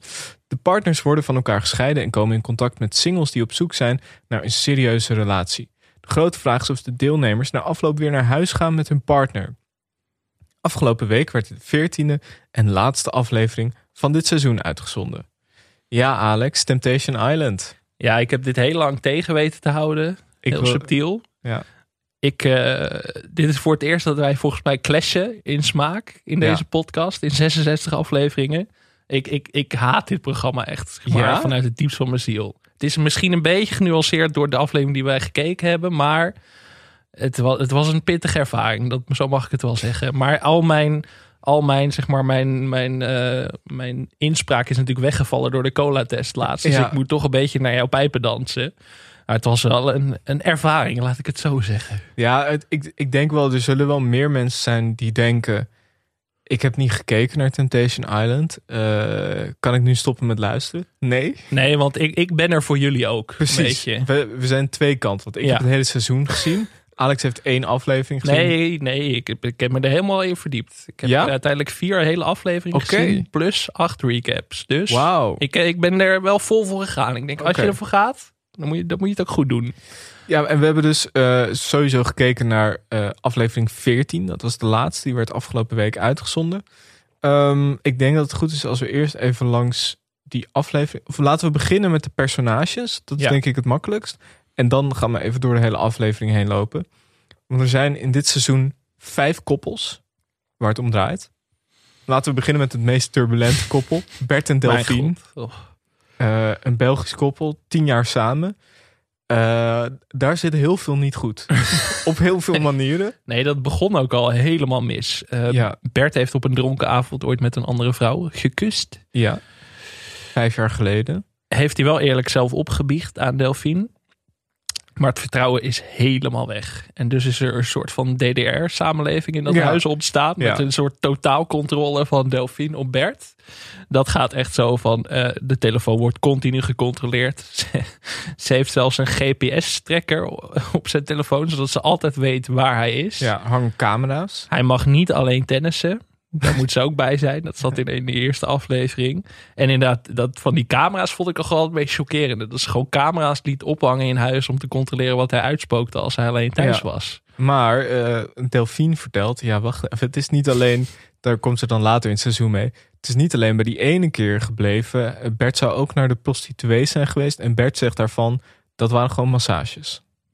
Ja, ja dat is net de definitie. Dat is misschien een definitiekwestie van massages. Maar eh, het is een turbulent koppel, zo omschreef jij het. En, Ja. poeh, ja, dat was het zeker. En dat ging eigenlijk eh, vanaf het begin al helemaal fout. Ja. Dan heb je Wouter en Julia. Eh, dat zijn twee Nederlanders. Die gaan wat korter met elkaar. En Wouter heeft in het verleden ja, moeilijke relaties gehad. En zij, hij heeft daardoor een beetje vertrouwensproblemen. Een beetje problemen om er vol voor te gaan. En dit wordt voor hun een beetje de test om te kijken of ze dat eh, doorstaan. Ja, want zij zijn anderhalf jaar samen en hebben elkaar leren kennen via Tinder. Mhm. Hij is eigenaar van een sportschool. Zij is eigenaar van een beauty salon. En voor mijn gevoel waren bijna alle vrouwen dat trouwens in deze, Ja. eh, dit seizoen. Het waren er minstens nog twee. Ja. Ik vond Wouter, eh, ik moet even een fotootje delen. Ik vond hem heel erg eruit zien als een soort jonge Steve Kuipers. Had jij dat Ja, ook? ja, ja. Als je een prequel zou maken over het leven van Steve, dan zou hij echt zo de hoofdrol kunnen spelen. Ja, Gewoon die bril was heel goed en het kapsel, het was allemaal precies zeg maar de jonge Steve Kuipers, wat ik daarvan zou verwachten. Ja. Maar dit terzijde. Eh, dan heb je nog Donna en Nico, een eh, Belgisch stel. Ja, het zat ook niet helemaal goed qua eh, vertrouwen. En eh, nou, die hadden ook eh, allerlei issues, problemen, vertrouwensissues. Wel het minst kleurrijke stel. Ja, Weinig aantekeningen over gemaakt. ja. Nou, er gebeurt, ja, gebeurde wel veel, maar nou ja, misschien allemaal niet zo. ja, hoe moet je dat zeggen? Het is zeg maar, denk ik, het meest. Misschien niet kleurrijk wil ik niet zeggen, maar misschien wel. Nee, eigenlijk kleurrijk echt precies de goede benaming. Sorry. Nee, ik zat, ik, ja, ik zat even hard op te denken. Ja, nee, dat mag ook in Dan deze podcast. in het begin eh, Koen en Deborah. Nou ja, die waren eigenlijk zo saai. dat de singles na een paar dagen zeiden: luister, Deborah, sorry, we gaan je naar huis sturen. Eh, ook echt ongekend. Eigenlijk gebeurde daar zo weinig verleiding. eh. zij ging eigenlijk elke avond gewoon vroeg naar bed. Zij dacht: ja, we zitten gewoon lekker eh, in een mooi huis. het is lekker zonnig. Maar dat, ja, dat zegt al genoeg over het programma dat je dan wordt weggestuurd. Ja. Zeg maar dat als je wel volhoudt, dat je dan ook meteen na twee afleveringen wordt, gewoon wordt kalt gesteld. Het is Ja. van, ja, zout maar op. Ja, want je moet natuurlijk de verleiding aangaan, zoals dat wordt gezegd. Maar Koen had al wel in 2020 een keer afgesproken met iemand anders. Dus er was wel al ja, ruis op de lijn. Ja, en we gaan straks nog Ja, wel over hebben wat er nog meer allemaal met. Koen is gebeurd. En dan is er nog eh Eileen en Efraïn. Uh, zij zijn eigenlijk de vervangers van uh, Koen en de Boren. Ik vraag me ook heel erg af hoe dat dan gegaan is. Stonden zij een soort van stand-by bij een hotel in de buurt van... voor de zekerheid, voor als er een koppel te saai zou zijn... worden zij dan uh, ingevlogen. En ja, Efraïn wordt, was vroeger, zoals Eileen dat zei, een beetje een player. Hij was er ook heel eerlijk over, maar daardoor waren er ook wat vertrouwenskwesties. En uh, ja, zij, zij doen dus ook eigenlijk mee om. Dat is eigenlijk een beetje het centrale ding. Vaak er is een soort van probleem in vertrouwen. En daardoor doen ze mee om dan te kijken of ze elkaar kunnen vertrouwen. Ja, want dat is echt een heel goed idee inderdaad. Dat je dan in een villa met allemaal halfnaakte mannen of halfnaakte vrouwen gaat zitten om te kijken of je relatie dat gaat overleven. Maar dat terzijde, uh, moeten we naar de aflevering gaan, denk ik. Ja, uh, aflevering 14 dus, de laatste. We gaan kijken naar de kampvuren. Twee kampvuren. We hebben de aflevering daarvoor er al twee gehad. En eigenlijk het programma zit zo in elkaar. Je hebt twee weken lang uh, zitten dus vier mensen in een villa met singles. Tussendoor zijn er dan twee kampvuren. Het eindigt met een dream date. Dan mag je een single, ja, je moet een single zelfs meenemen. Je mag niet alleen een dream date. Um, en dan uiteindelijk is er een laatste kampvuur waarbij eigenlijk duidelijk wordt of ze wel of niet bij elkaar gaan blijven. We hadden dus. Uh, ja, we hebben wel de meest dramatische aflevering Zo. op zich gekozen, zeg. Ja. Dat is een rollercoaster aan emoties. Ja, want we beginnen met het einde van de Dream Dates van uh, Bert en van Delphine. Ja, Bert had eigenlijk gewoon maar iemand meegenomen. En ja, het was wel duidelijk, zeg maar, door, door het hele seizoen heen dat Bert geen liefde ging vinden. In ieder geval op dit eiland. Bert was het hele seizoen ook vrij emotioneel, om het zo te zeggen. Ja. Toch veel huilbuien van Bert. Wispelturig ook. Ja. Ging wel echt een beetje alle kanten op. Steeds kwam er ook eigenlijk, sowieso bij Bert en Delphine, steeds kwam er meer informatie waarvan ik dacht... Oh, dit hadden we misschien wel aan het begin allemaal moeten weten. Maar er was ook zoveel gebeurd. Het past ook niet eens in één aflevering, denk ik. Nee, absoluut niet. Je zou eigenlijk alleen Bert en Delphine hadden mee kunnen doen. Dan had je alsnog wel veertien afleveringen kunnen vullen. Um, en uh, ja, Delphine had een uh, date met Joop. Ik vond Joop wel echt een legend. Joop was echt ook het enige sympathieke personage in dit hele programma. dat, hij was ook, wat was hij, IT-consultant ja, of zo? Joop, hele, 32 IT-consultant. Ja. Nee, die, heeft wel, die vond ik echt heel, heel vriendelijk en zo. Die, die had wel een beetje als een van de weinige mensen nog iets van mijn sympathie in het programma. Joop had ook heel, heel veel goede quotes. Ja. is echt een quote machine. Hij zei ook een keer, Wouter is wel echt een sneltrein. Een van de snelste treinen die nog ontwikkeld moet worden. Ja. Geen idee wat hij ermee bedoelde, maar... Dat is gewoon heel diepzinnig eigenlijk. Ja, is goed. Uh, we zagen die twee dream dates. Eileen had een uh, dream date met Maxime. Efrain en Joyce hadden ook een uh, dream date. En de situatie is eigenlijk als volgt van de vier relaties waren er drie kapot op dit moment. Ja. Alleen Wouter en Julia waren nog bij elkaar. Uh, Eileen had uitgemaakt met Efrain. Nou ja, Bert en Delphine, daar hoeven we het niet over te hebben. En Nico gaf toe dat hij was vreemd gegaan. En uh, sowieso ging dat niet goed. En uh, toen is het ook uitgemaakt. Een turbulente situatie voor de kampvuren, zou je ja. zeggen. Dat er heel veel ongemak op de loer ligt. Dus we zien uh, en Efrain komen bij elkaar. Uh, Efrain staat er positief in. Ja, die wil, die wil Eileen zelfs ten huwelijk gaan vragen. Ja. Vond ik een gedurfde move als je vriendin het net heeft uitgemaakt ja. dat je haar dan ten huwelijk gaat vragen. Niet? Want het, is, het ging een beetje mis omdat hij uh, met een van die singles een beetje op bed lag. Hij, hij, gaf haar ontbijt op bed geloof ik. En hij vroeg van ja ik ga je meteen toevoegen op Insta en ik zet mijn nummer in je telefoon. Ja. En daar ging het een beetje, daar ontstonden wat scheurtjes. Ja, met een van de verluizen inderdaad, Charlie, uh, was hij heel hecht. Want hij ging de verleiding aan, zoals dat dan heet. Maar iets te veel ging hij de verleiding aan. Dat is een hele dunne lijn. En uh, toen maakte zij het inderdaad uit. Nou ja, goed, ze komen bij elkaar. Er wordt veel gehaald. Uh, Efraïn heeft uh, spijt. Eileen schaamt zich. En ja, eigenlijk komen ze niet helemaal tot elkaar. Nee, vond ik ook wel. Ik, ik, ik zette eigenlijk in op een hereniging. Ik een ook. emotionele hereniging bij het kampvuur. Dat was toch een beetje waar ik, waar ik dacht dat we naartoe aan het werken waren. Maar dat was eigenlijk niet zo. Nee. Uh, dus het liep een beetje met een, met een sisser af, om het zo te zeggen. Wat ik heel goed vond. Uh, kijk, we gaan straks het hele programma even bespreken. Maar er zit heel vaak hele, hele uitbundige muziek tussendoor. Van mm -hmm. There's no way out. Weet je wel, ja. dat zo iemand dat dan aan het zingen is. En dat is heel sterk ook in deze, bij deze kampvuurscène. Ik vond ook heel goed dat uh, eigenlijk, ze waren allebei verdrietig. huilend eh, gingen ze weg in het busje. En Victor, Victor Verhulst, de presentator, zei nog... Blijven jullie echt openstellen tegen elkaar? En ik dacht, wat betekent dat nou weer? Ja, de vragen van de presentatoren moeten we zo ook even een apart blokje aanwijden, het volgens mij. openstellen en de temptation en de verleiding aangaan. Ik vind dat zo openstellen. Dat is echt zo'n woord dat ze allemaal een soort van van tevoren... Dat horen ze allemaal volgens mij bij elkaar. En daardoor gaat dat dan heel erg in het, eh, in het jargon zitten. Ja, dat wordt in elke aflevering wel een keer of vijf ook gezegd. Ja. Maar ik weet nog steeds niet openstellen. Geen idee. Misschien uit een handboek relatietherapie of Ik, zo, eh, wat ik gemist heb. Maar Ik denk het. Daarna zien we het eh, kampvuur van Delphine en Bert. Het meeste vuurwerk is sowieso voor het laatst. Dat, daar hebben ze echt, dat hebben ze goed gedaan. Voor, van tevoren is de, is de sfeer eh, ja, interessant. Delphine zegt dat ze walgt van Bert. zo, ja, Bert moet zegt- van hem kotsen, zegt ze zelfs. Bert zegt uiteindelijk, "Nou, zeg nooit nooit. Wie weet in de toekomst. Terwijl daarvoor is het gewoon al aan alle kanten helemaal misgegaan. Voor iedereen, voor de hele Benelux was het duidelijk dat eh, dit echt geen goede, gezonde relatie is. Ehm, Bert krijgt als klap op de vuurpijl nog wat beelden te zien van Delphine en Joop en hun eh, eh, pikante date. Nou, uiteindelijk komt er een hele lange discussie tussen Bert en Delphine. Ja, want het is niet helemaal duidelijk wat er precies gebeurd is. Of de kleren zijn aange, aangebleven op de date. Er zijn wel wat eh, geluidsfragmenten die wat anders suggereren. Ja, Delphine had niet helemaal door dat die geluidsfragmenten ook klaar stonden. Nee, dat was een beetje pijnlijk. Ja, de en blik Victor- op haar gezicht. eh, Victor zei dat met een heel ondeugend gezicht bevestigde hij wat, eh, wat Bert had gezegd.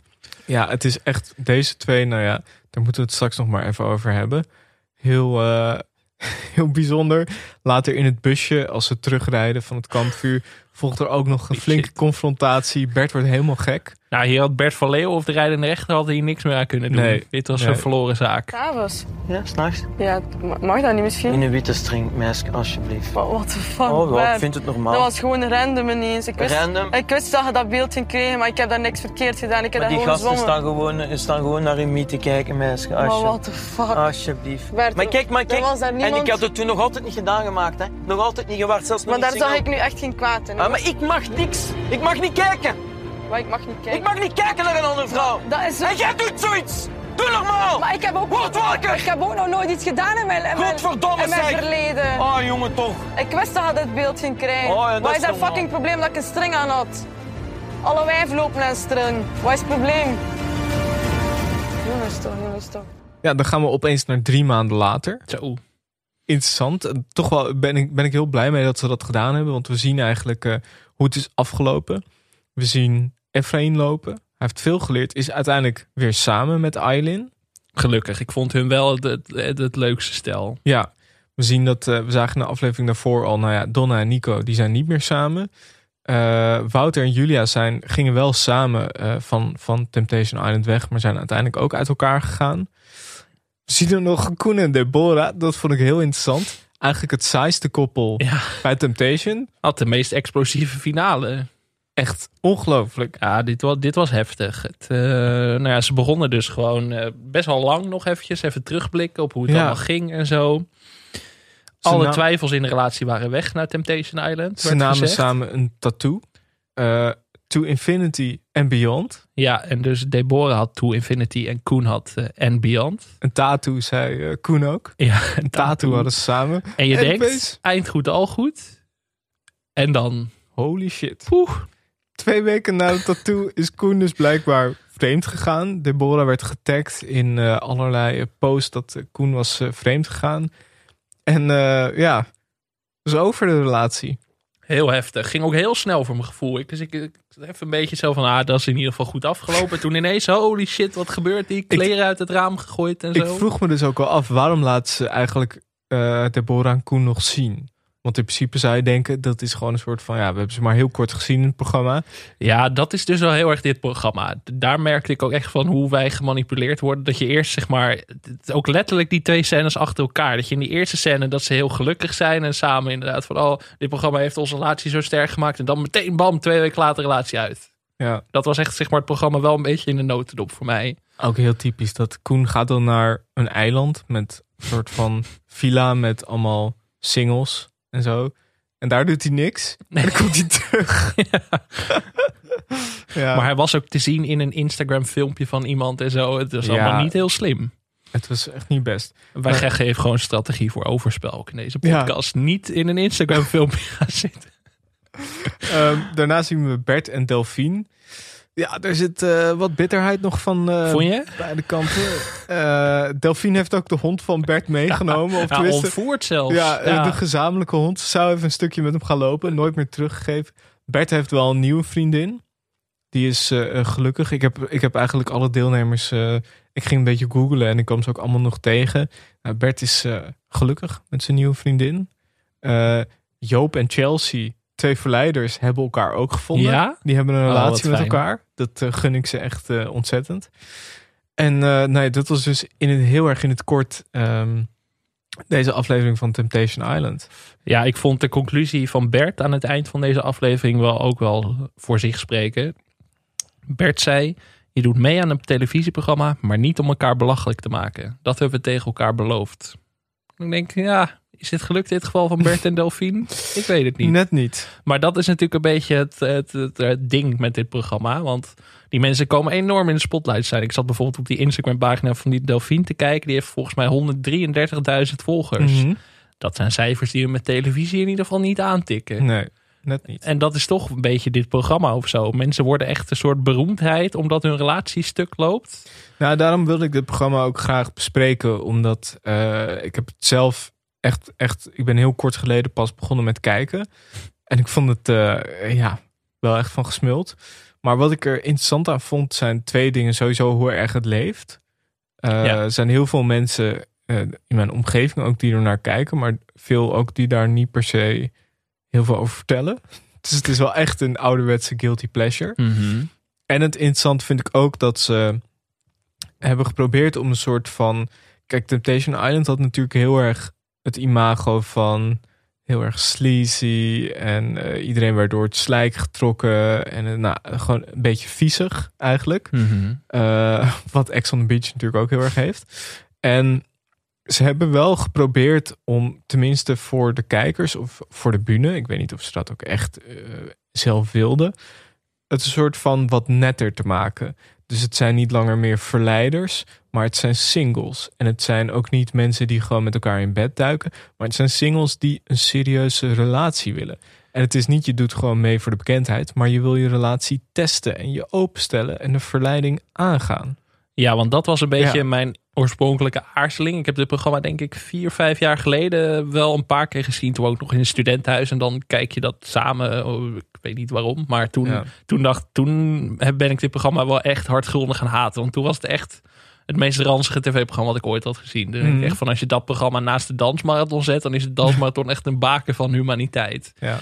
Ik vond het wel inderdaad. Ik vind nog steeds het hele uitgangspunt krankzinnig. Maar ze hebben inderdaad wel nagedacht om het een tikje minder ordinair en dat soort dingen te maken. Want inderdaad, een van die singles, dus die Joop, dat is gewoon wel een personage van vlees en bloed. En niet een seksmachine die de boel eventjes komt verstieren. Dat vond ik wel een goede ontwikkeling. Maar ik vind die fascinatie zo interessant. Omdat ook heel veel mensen uit mijn omgeving dit een geweldig programma vinden. Maar heb je daar een verklaring voor dat, je, dat jij zelf je hier zo toe aangetrokken voelt? Is het gewoon je inleven in een andere wereld waar je jezelf niks bij zou kunnen voorstellen? Nee, het- heeft denk ik. Kijk, in mijn geval, eh, ik hoorde veel mensen in mijn omgeving daarover praten. Daarom dacht ik, ik wil het, ik wil het gewoon zien. Mhm. Ik ben benieuwd. En ja, eh, het is niet heel veel anders natuurlijk eigenlijk dan een.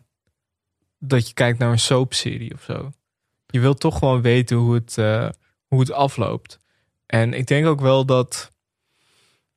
Ik vond wel de eh, mix dit seizoen heel goed van een Bert en Delphine, waarvan je echt denkt: holy shit, dit is echt een knettergek stel. Dit, waarom zien ze niet dat dit totaal niet werkt?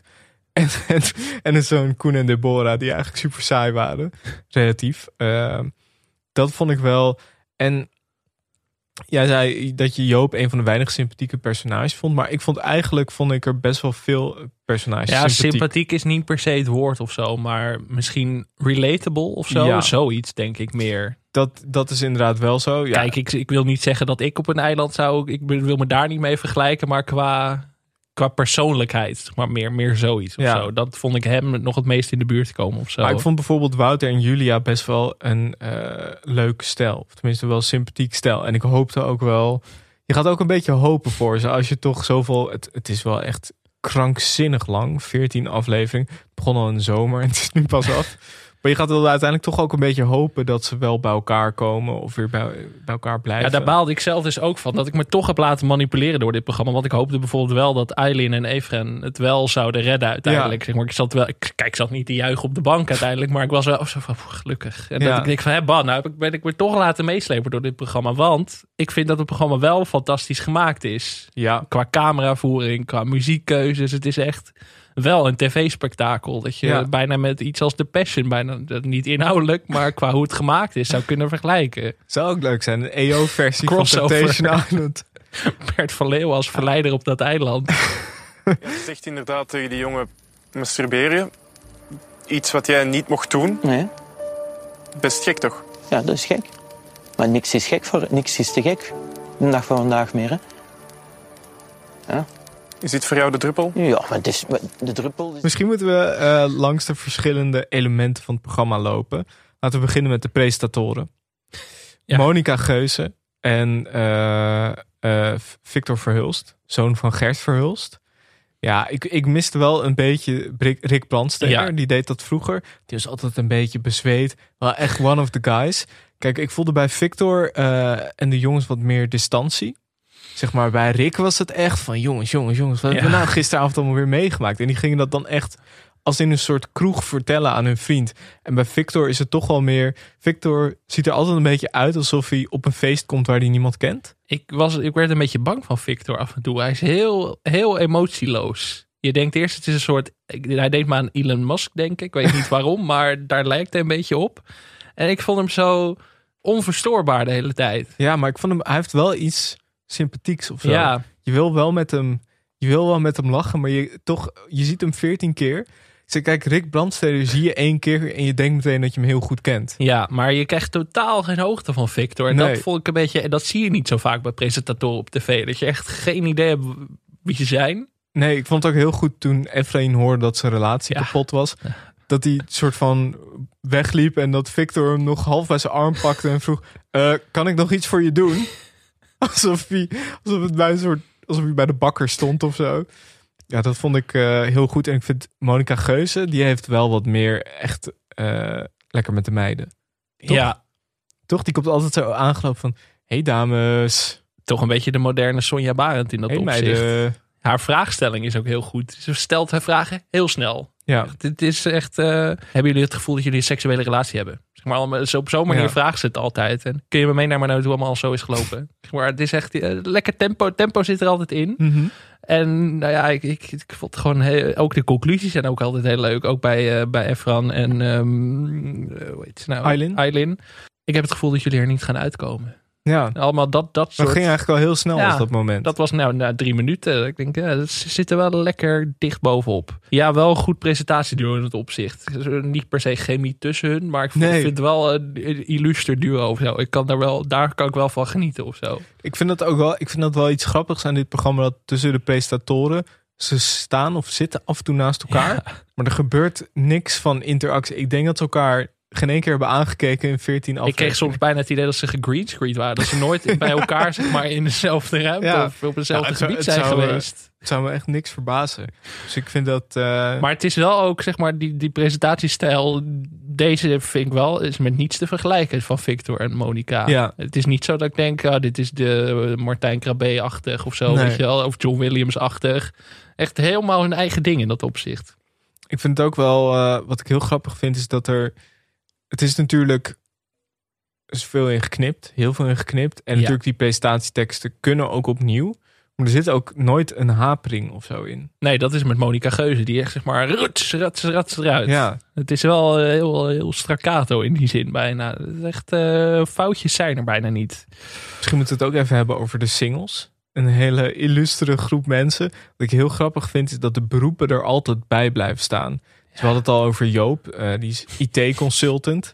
Dat blijft er dan gewoon 14 afleveringen lang. Ik denk dan, ja, op een gegeven moment weet ik wel dat Joop IT-consultant is. Nou, dat zeg je niet, maar wel, ik had het natuurlijk net over dat, dat programma Het Spaanse Leven. Daarin stond gewoon, het programma duurde 22 minuten en er stond gewoon zes keer in beeld wie de presentatrice was. Die werd gewoon elke keer opnieuw aangekondigd. Dus misschien is dat een soort RTL-strategie. Dat is denk ik van meer aan de bekendheid van de deelnemers en presentatoren werken. Ik denk het, ja. En, eh, Misschien moeten wij dit ook gaan doen. Mijn naam is Alex Maasreel. Gewoon nu nog een keer ons aankondigen. Dat is straks ook nog een keer dat mensen weten wie wij zijn.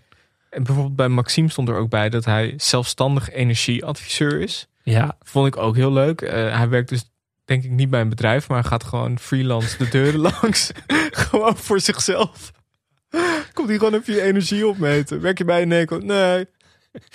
Nee. Maar gewoon voor zijn eigen eh, administratie. Ja, gewoon, wat gebeurt er dan? gewoon een Excelletje thuis waar hij gewoon de energiestanden bij mensen. Ja, dat ik gewoon leuk. Zelfstandig energieadviseur. En eh, ik vond het, ik vond het eh, wel. Ik, ik vind de hele dynamiek in die huizen heel grappig. Want het is. Je ziet ook bij ehm, de kampvuren krijgen eh, zeg maar de deelnemers allemaal een beeld te zien. Dus dat kan ofwel een beeld zijn dat je ziet dat er eigenlijk niks gebeurt. Of je kan ook een beeld zien krijgen dat je partner vreemd gaat. Maar de verleiders of de singles, die zitten ook met z'n allen te kijken naar die beelden. En ik vond gewoon dat verschil zo grappig. Want je ziet bij de vrouwen, bij de singles, die allemaal schrikken, zeg maar. Ja, Erg. ja, ja, maar ook niet, niet, niet zo, maar echt, echt die hand voor de Ja. mond zo. Je, het wordt echt totaal uitgebuit. En bij de mannen hoor je eigenlijk alleen maar... Wow, yo, wow. Echt alsof ze naar een soort voetbalwedstrijd zitten te kijken of zo. Ja, het is wel heel plat, maar ja, er zitten natuurlijk nog steeds wel heel veel platte dingen ook in het programma. En Ja. dat was ook een van die singles, echt in de eerste aflevering was het al.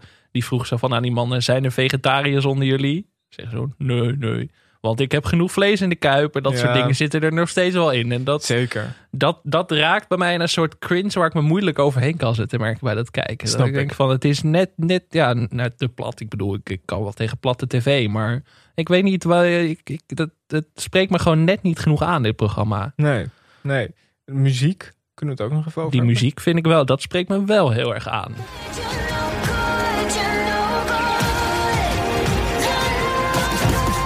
Allemaal vertraagde covers vaak van bekende nummers. Fleetwood Mac, Britney Spears. Ja, het is echt heel eh, bijzonder. Ik, ik, waarom hebben ze daarvoor gekozen? Het is heel grappig.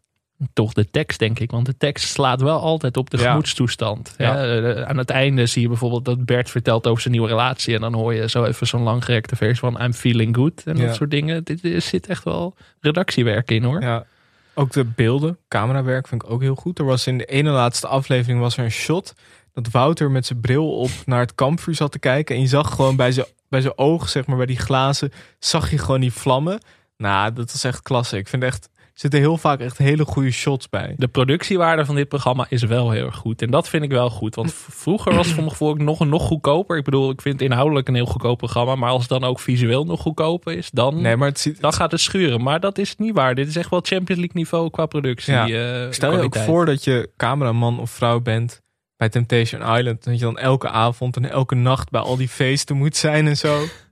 Toch ook best wel, ja. Ja, maar ze zijn natuurlijk wel eh, voorzichtiger geworden met wat ze laten zien en zo. Want toch, na aanleiding van de villa en die Ja. hele rel die toen is ontstaan. Het is Ja. meer met geluid vooral. Als er inderdaad seksuele dingen gebeuren, dan wordt het vooral via geluid nu gecommuniceerd. Ja. Vind ik ook wel goed. Dat, dat, eh, ja, kijk, eh, de exploitatie van het lichaam zit nog steeds wel in het programma. Maar niet zo extreem meer dat je echt, zeg maar, à la Big Brother mensen naakt door het beeld ziet lopen en dat soort dingen. Nee, klopt. Want ja, dat, dat zat ik me wel in het kader van, van de nazorg af te vragen. Van hoe zullen zo'n Bert en Delphine, zeg maar, hoe, hoe, hoe, ze, hoe worden zij voorbereid op zo'n programma? Is het zo dat ze weten wat voor backlash zij kunnen krijgen? Want ik kan me voorstellen dat bijvoorbeeld bij Delphine heel veel mannen een soort van haatberichten naar gaan sturen en dat soort dingen. Dat is natuurlijk Ja. onvermijdelijk. Ik denk, ja, ik denk dat dat bij eh, bijna alle deelnemers eh, zal dat wel zo zijn. Ja, ik vraag, me dat, ik vraag me dat ook wel af. Het is wel heel heftig, omdat het inderdaad ook echt Benelux is. Ja. Er zijn er echt veel mensen die er naar kijken. Eh, en het wordt natuurlijk ook zo geknipt. Dat was het meer. Dat ik denk van Bert en Delphine, als die dit nou terugzien of zo. Dat daar, ik vond het heel erg vermakelijk. Ik bedoel, dat is dan toch weer mijn platte, de platte tv kijken in mij. Maar dat ik wel dacht van oei, ze, ze komen er ook wel heel erg slecht uit nu. Ja, Bert heeft ook wel gezegd van ja, ik snap dat als mensen eh, kijken naar mij, dat ze denken dat ik knettergek ben. Ja. Maar dit is natuurlijk, ze filmen of ze laten 45 minuten zien van 24 uur van wat er allemaal gebeurt. Dus ik snap inderdaad, ik, ik ben daar ook wel benieuwd naar. En ik ben ook wel benieuwd hoeveel mensen zich ervoor aanmelden. Hoe populair dat nog is. Ik, zei, ik zag dat ze nu op zoek zijn naar nieuwe koppels voor een nieuw seizoen. eh, waar ze wel echt actief aan het werven zijn. Nou, het gevaar dat daarbij op de loer is, en hebben we het al eens eerder over gehad, eh, is wel gewoon dat, dat mensen zich aangemelden om bekend te worden. Dat vond ik hier nog wel meevallen. Ik geloofde het wel tot op zekere hoogte. Ja. Ik had niet het idee dat deze mensen alleen maar Instagram famous wilden worden of zo. Dat denk ik ook niet. Maar ik vraag me ook af, eh, waarom zou je dit eigenlijk doen? Ja, dat heb ik met 14, of nou niet alle afleveringen, maar heel lang afgevraagd. Want je kan wel zeggen, ja, we willen onze relatie testen. Maar ik denk dan, ja, is dit nou de manier? Het lijkt me niet, nee. Het is, het is ja, eigenlijk Efraïn en Aylin en Wouter en eh, Julia zijn er zeg maar dan, dan nog het best van afgekomen. Maar ja, goed, bij Wouter en Julia was eigenlijk de eh, conclusie van... oké, we kunnen elkaar vertrouwen. Het werkt, dus laten we dan alsnog uitgaan. Maar bij Efraïn en eh Aylin was dat eigenlijk ook weer niet helemaal de Nee. conclusie. Maar is het uiteindelijk toch gelukkig voor ze weer goed gekomen. Ja, maar dus zelfs dan wordt het al dat je denkt van... Hoe gezond is dit nu? Want op beeld is nog wel voor altijd te zien dat jij eh, je nummer wilde geven zo makkelijk en zo. Het Ja. is toch altijd, altijd, volgens mij, het gezeik blijft altijd door dit programma. Ja. Dat is wel een, een soort relatietherapeuten vandaag. hè? Het is een hele nieuwe koers die we inslaan. Ik, eh, het is wel één, on, één puntje waar ik nog eventjes meer over wil weten. En dat is hondje Fiona van Bert en Ja, Delphine, die dus gewoon gekidnapt is. Da- Daar moeten we Kees van der Spek of Albertus Stegeman op ja, eh, afsturen. Albertus Stegeman in vermomming het liefst. Ja, als dierendokter. Dan zegt hij, ik ben namelijk geen dierendokter. En dan trekt hij dat masker af. Nee, want eh, via Delphine kwam even langs na de breuk om, eh, om even een paar uur met, met Fiona te gaan wandelen. En die heeft hem gewoon meegenomen. Bert heeft nooit meer met haar kunnen wandelen. Vond ik toch wel. Ik denk, ja, hier zit wel een nieuwe serie in hoor. Maar de kans is wel groot dat we daar ooit nog iets te horen over krijgen. Want er is wel echt een waar Temptation Imperium. Vooral op Videoland. Zo. Ze hebben Temptation Island Love or Leave. Temptation Island. Temptation Gossip.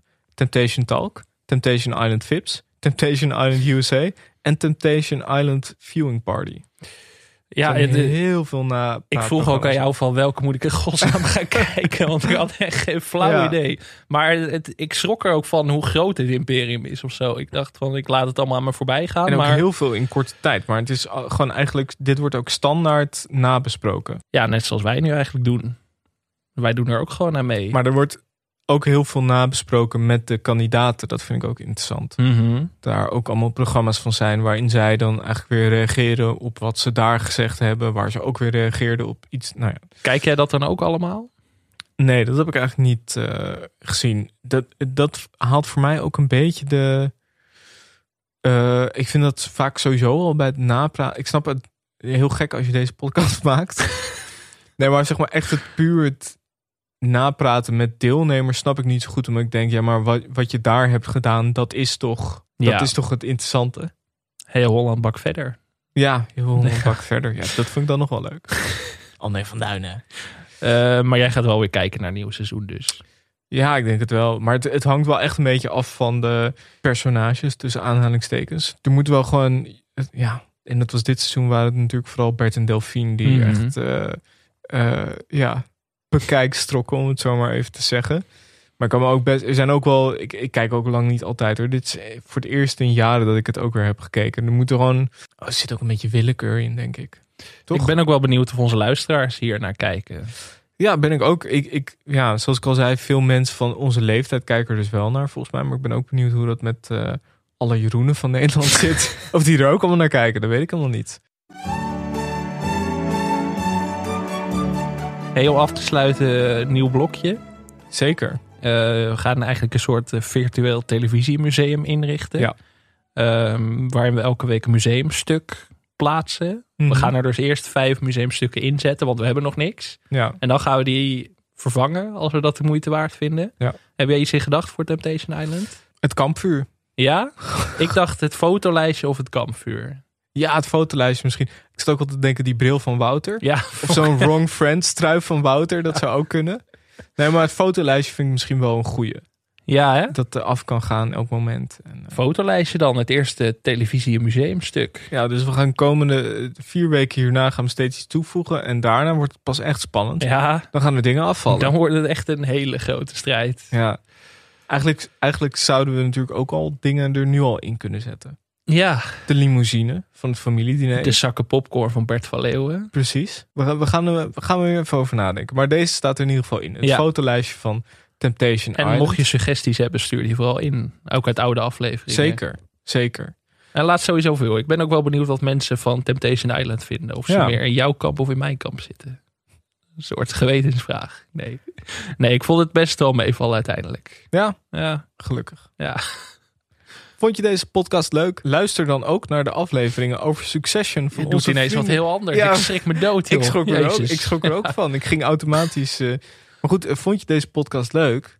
Luister dan ook naar de aflevering over Succession van onze vrienden van de Vierkante Oogshow. Alex, jij zit er morgen. Ja, Eh, vandaag eigenlijk. Dinsdag. zeker. Elke dinsdag komt er een nieuwe aflevering online. Ja, dan kun je wel diepteanalyses verwachten. Dat Ja. weet je. hè? Ja. Als je toch na deze aflevering denkt, nog niet genoeg Alex Maasreel. Nou, ja, dan hebben we ook nog Undercover bij Ja. de Vierkant ook zo. Daar zaten we samen. Ongelooflijk. We, we zijn overal. Het is, eh, We zijn niet te stoppen. het is niet normaal. Eh, je kan natuurlijk ook een recensie achterlaten op iTunes. Of je kan ook vriend van de show worden. Dat kan op vriendvandeshow.nl slash televisiepodcast. Of stuur eens een bericht op Twitter of Instagram. Het televisiepod. Of mail ons op televisiepodcast.gmail.com. Veel dank aan Dag en Nacht Media, een Studio Cloak voor tune en aan Weidse Valkma voor de illustratie. Tot volgende week. Tot volgende week. Hoe kun je dan nou willen? Een beetje laten trillen op de tv. Op het einde van die serie zit het terug alleen.